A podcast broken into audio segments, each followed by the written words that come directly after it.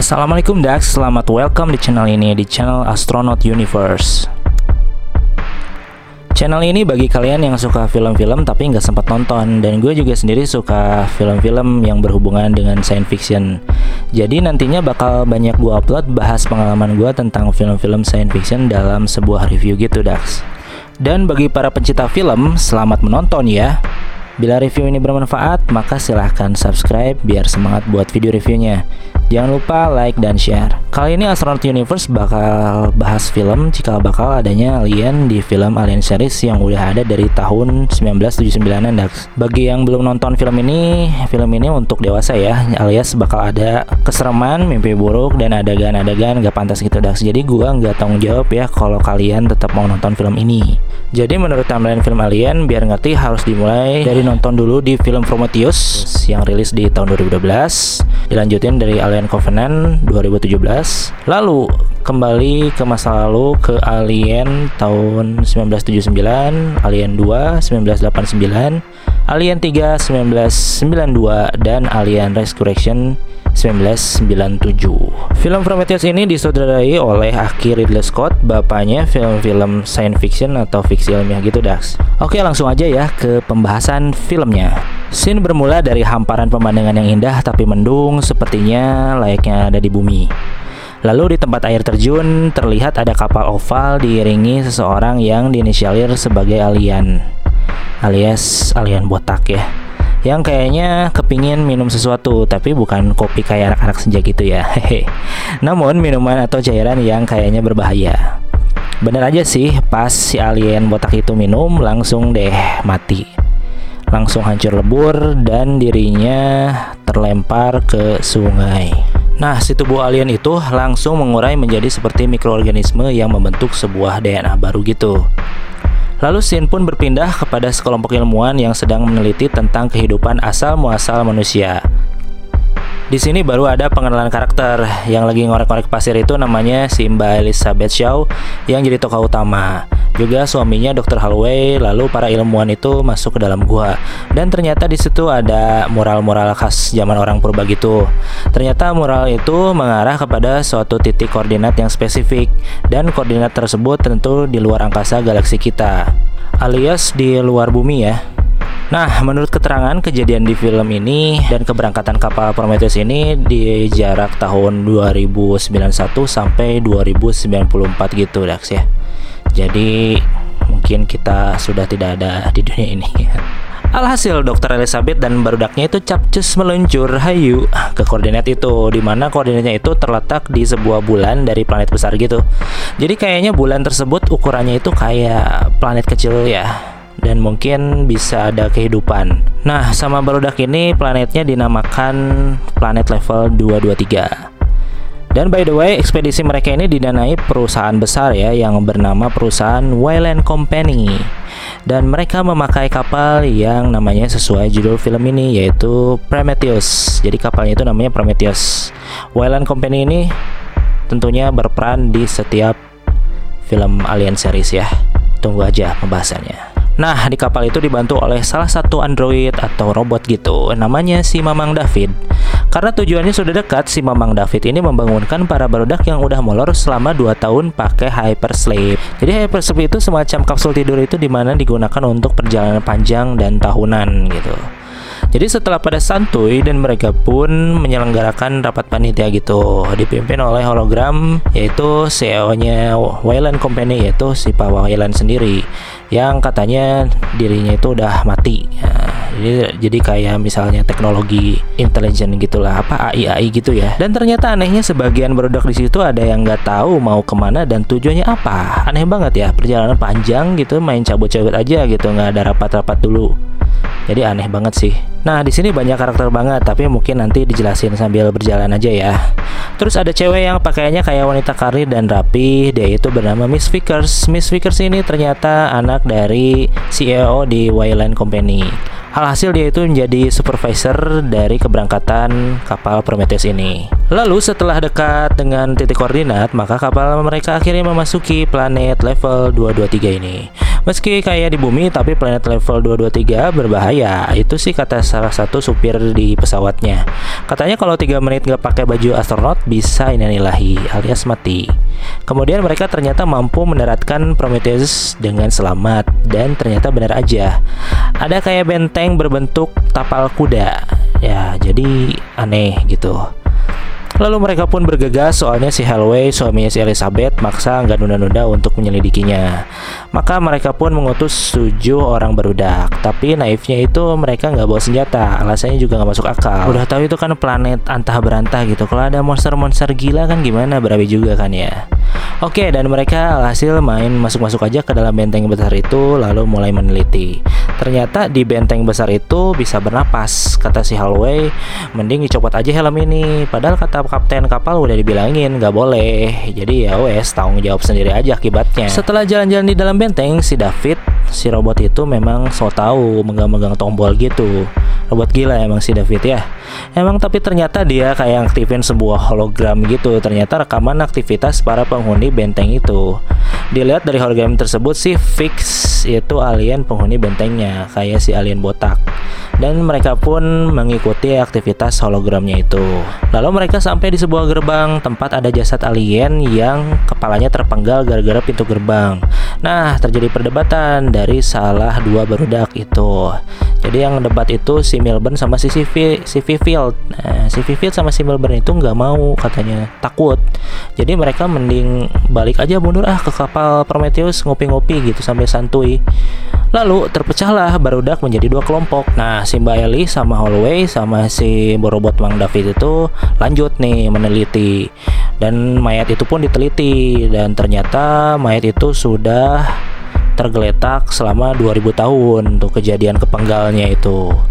Dipercaya bahwa alien tersebut adalah si alien yang menciptakan manusia katanya. Lagi-lagi si Mamang David itu main pencet-pencet aja tuh tanpa disuruh dan membuka gerbangnya. Robotnya memang inisiatif ya.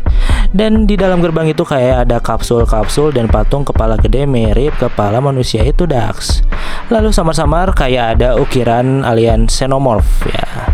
Xenomorph itu nama alien yang jadi monster utama di film Alien series. Jadi mulai nyambung nih ceritanya ya. Si David ngelihat cairan keluar dari kapsul itu, cairan hitam kayak tinta. Udah disuruh jangan nyentuh, eh emang si Mamang David ini memang main sentuh-sentuh aja. Gak berapa lama kemudian kapten kapal ngasih tahu kalau di luar itu bakal ada badai gede. Jadi alhasil si Mbak Eli buru-buru tuh tapi dia ngambil potongan kepala alien itu untuk diteliti. Dan si robot android Mamang David malah ngambil salah satu kapsul itu. Meski sempat bermasalah, tapi akhirnya mereka selamat sampai kapal lagi. Tapi ternyata baru dak tim yang terpecah itu, yang si Milford sama si Fifield itu nggak sampai kapal induk dan malah tersesat di dalam benteng alien itu. Si Mbak Eli sama temannya diawasin sama Mbak Fikar dan mulai meneliti kepala itu. Yang gak masuk akal itu mereka nggak pakai alat medis khusus untuk melindungi diri mereka. Kan siapa tahu si alien itu membawa virus corona ya. Dan setelah dilekuli, kepala alien itu langsung meledak door. Nah, scene beralih ke robot Mamang David yang kayaknya dapat perintah dari atasannya ya. Dan nggak tahu tuh teleponnya itu nggak tahu siapa atasannya. Dan ke gap sama si Mbak Vickers yang suka julid. Sempat debat dikit, sepertinya bakal ada rencana besar nih si David ini. Bener aja ya, selagi sendiri si David mulai buka kapsulnya, ngeluarin cairan hitam-hitam gitulah dan dia kayak mau ngeprank gitu alias uji coba secara diam-diam. Dan si Mamang David diam-diam masukin cairan ke minuman dan dikasih ke si hallway. Jail emang si robot ini ya dimasukin ke dalam minuman. Scene beralih kedua berdak yang tersesat karena badai masih nggak berhenti sama kapten disuruh nginep aja tuh mereka di benteng alien. Setelah panik-panik dan jalan-jalan gabut dan kuku lutus, ternyata mereka balik lagi ke ruangan awal yang ada kapsulnya. Eh, ternyata benar aja di ruangan itu ada kayak cacing-cacing yang di awal-awal scene pertama itu berubah menjadi sebuah ular. Ya mungkin karena cairan hitam ya main-mainlah si orang sotoy ini sama ular itu. Alhasil ularnya adalah ular alien yang berbahaya. Akhirnya mereka modiar. nah, pagi-pagi si Hellway itu udah bangun dan dia mulai ngerasa ada aneh pada badannya. Tapi kemudian si kapten ngasih tahu buat ngizinin berudak ekspedisi lagi untuk masuk ke benteng itu. Sekalian nyari dua orang itu. Mereka nggak tahu si dua orang itu udah modar. Nah, dalam perjalanan si David kayak punya misi rahasia dan memilih diam-diam cari jalan lain biar nggak bareng sama rombongan. Benar aja si David yang kayaknya udah bisa bahasa alien nemuin jalan untuk sampai ke koridor benteng utama. Di samping David nemuin koridor, rombongan utama menemu dua jasad barudak mereka yang mati gara-gara ular. Nah, tiba-tiba si Holloway itu kayak mual-mual gitu, latih lesu gitu ya. Dan memutuskan untuk balik, kata si Ellie itu rombongan ini udah karena udah nggak bener lah. Mereka pun memulai prosedur karantina takut si Holloway kena virus corona. Beralih ke scene David, ternyata si Mang David ini bisa ngaktifin mesin di benteng itu dan melihat teknologi alien. Dan dia lihat ada alien gede yang lagi boci alias bobo siang di kapsul alien. Barudak yang balik dihadang oleh si Vickers karena doi Parno takut ketularan gitu, tapi si Holloway memang sadar sih dirinya udah mulai jadi alien dan minta dirinya dibakar di hadapan rombongan haji tersebut. Modar lah si Holloway malangnya istrinya si Ellie itu histeris lihat suaminya sendiri dibakar oleh cewek lain. Si Mbak Ellie kayaknya langsung pingsan. Scene pun terskip lalu beralih ke dokter Ellie yang lagi bobo dibangunin sama si Mamang David. Dan si Mamang David ngasih tahu bahwa Mbak Ellie udah telat tiga bulan alias hamil. Mbak Ellie heran karena tiga bulan yang lalu kan dia molor di kapsul hypersleep dan baru berhubungan suami istri tadi malam. Ini dikabarin janinnya udah tiga bulan dan si David ngasih tahu bahwa bukan janin biasa biasa. Paniklah si Mbak Eli lalu dia berontak dan ingin ngeluarin janinnya takut kenapa-napa. Bener aja pas udah dikeluarin janinnya sendiri pakai alat canggih, itu janinnya nggak berbentuk manusia Dax, melainkan kayak cumi-cumi gurita gitu. Ih, ngeri ya. Jadi alien lah itu si janinnya. Lalu si Mbak Eli berusaha membunuh si jabang bayi alien itu. Di sisi lain, mayat si Holloway yang tadi dibakar itu hidup lagi dan dia jadi zombie yang brutal ngamuk-ngamuk gak jelas dan butuh perjuangan untuk ngebunuhnya. Sin pun berlalih ke si Mbak Ellie. Setelah reda dan berjibaku itu, eh dia ketemu si pimpinan Wayland Corporation. Ternyata pimpinan Wayland Corporation itu belum modar, menampakkan diri dan memutuskan untuk ketemu alien yang lagi bobo siang itu. Dia sepertinya ingin bertemu alien tersebut yang dianggap sang pencipta manusia. Tapi kayaknya nggak hanya itu aja keinginannya, karena si Wayland ini udah tuir banget alias sudah tua. Keinginannya itu pengen menghindari kematian Dax. Jadi menurutnya siapa tahu si alien botak tersebut adalah engineer atau sang insinyur yang mempunyai teknologi yang membuat manusia terhindar dari kematian atau awet muda gitu. Terus langsung aja mereka bareng-bareng menuju kabin tempat kapsul hypersleep si alien botak. Setelah semuanya sampai, lalu si David mencoba menghidupkan semua mesin dengan memakai sluring gitu. Ini suaranya aneh banget ya. Dan David akhirnya membangunkan si alien botak yang kayaknya udah bobo siang selama 2000 tahun itu. Ketika alien bangun, terjadilah perdebatan antara si Mbak Shaw atau Mbak Ellie dan si Wayland itu.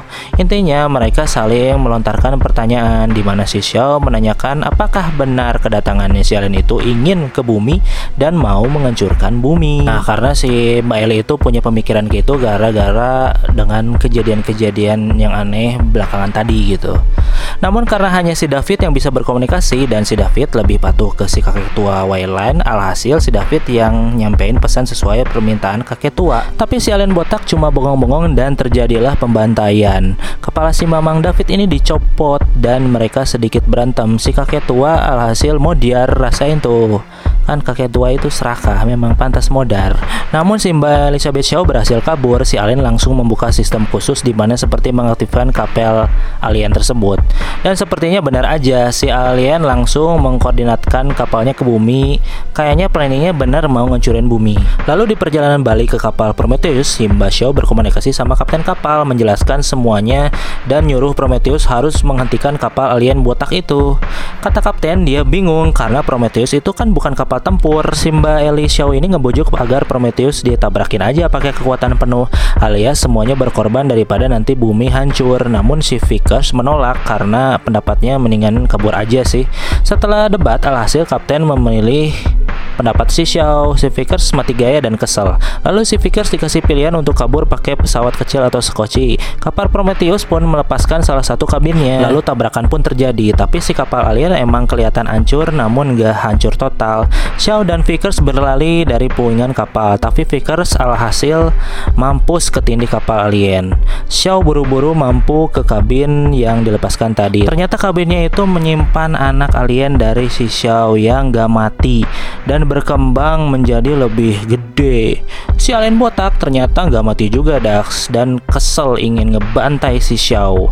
David yang belum mati nelpon si Xiao bahwa si botak mau bunuh si Xiao. Lalu si Mbak Elizabeth Xiao pun punya ide alias ngejebak si alien botak ke alien cumi-cumi anaknya si Xiao itu. Alhasil meskipun alien botak kuat tapi nggak mampu lawan anak alien si Mbak Xiao yang lebih kuat. Nah gitu dong, baru anak berbakti kepada ibunya sendiri. Hei, alien botak! Kamu jangan berani-berani melawan ibu saya. Rasakan ini. Setelah berjibaku gitu, si David bilang ke si Mbak Xiao bahwa ini emang kayak pangkalan militer para alien botak. Dan katanya ada kapal alien lain. David bilang langsung ngajak si Xiao untuk lari karena dia bisa dampingin untuk ngendaliin kapal alien lain. Namun Xiao meminta untuk nggak balik ke bumi, melainkan ke asal tempat alien botak itu. Alasannya sih simpel, ingin nanyain kenapa kaum alien botak berubah pikiran dan ingin ngancurin bumi. Dan capcuslah mereka. Ending scene pun diperlihatkan bahwa alien cumi-cumi anak si Xiao ini berhasil menanamkan inang ke alien botak. Dan alien hitam cungkring keluar dari perut jasad alien botak.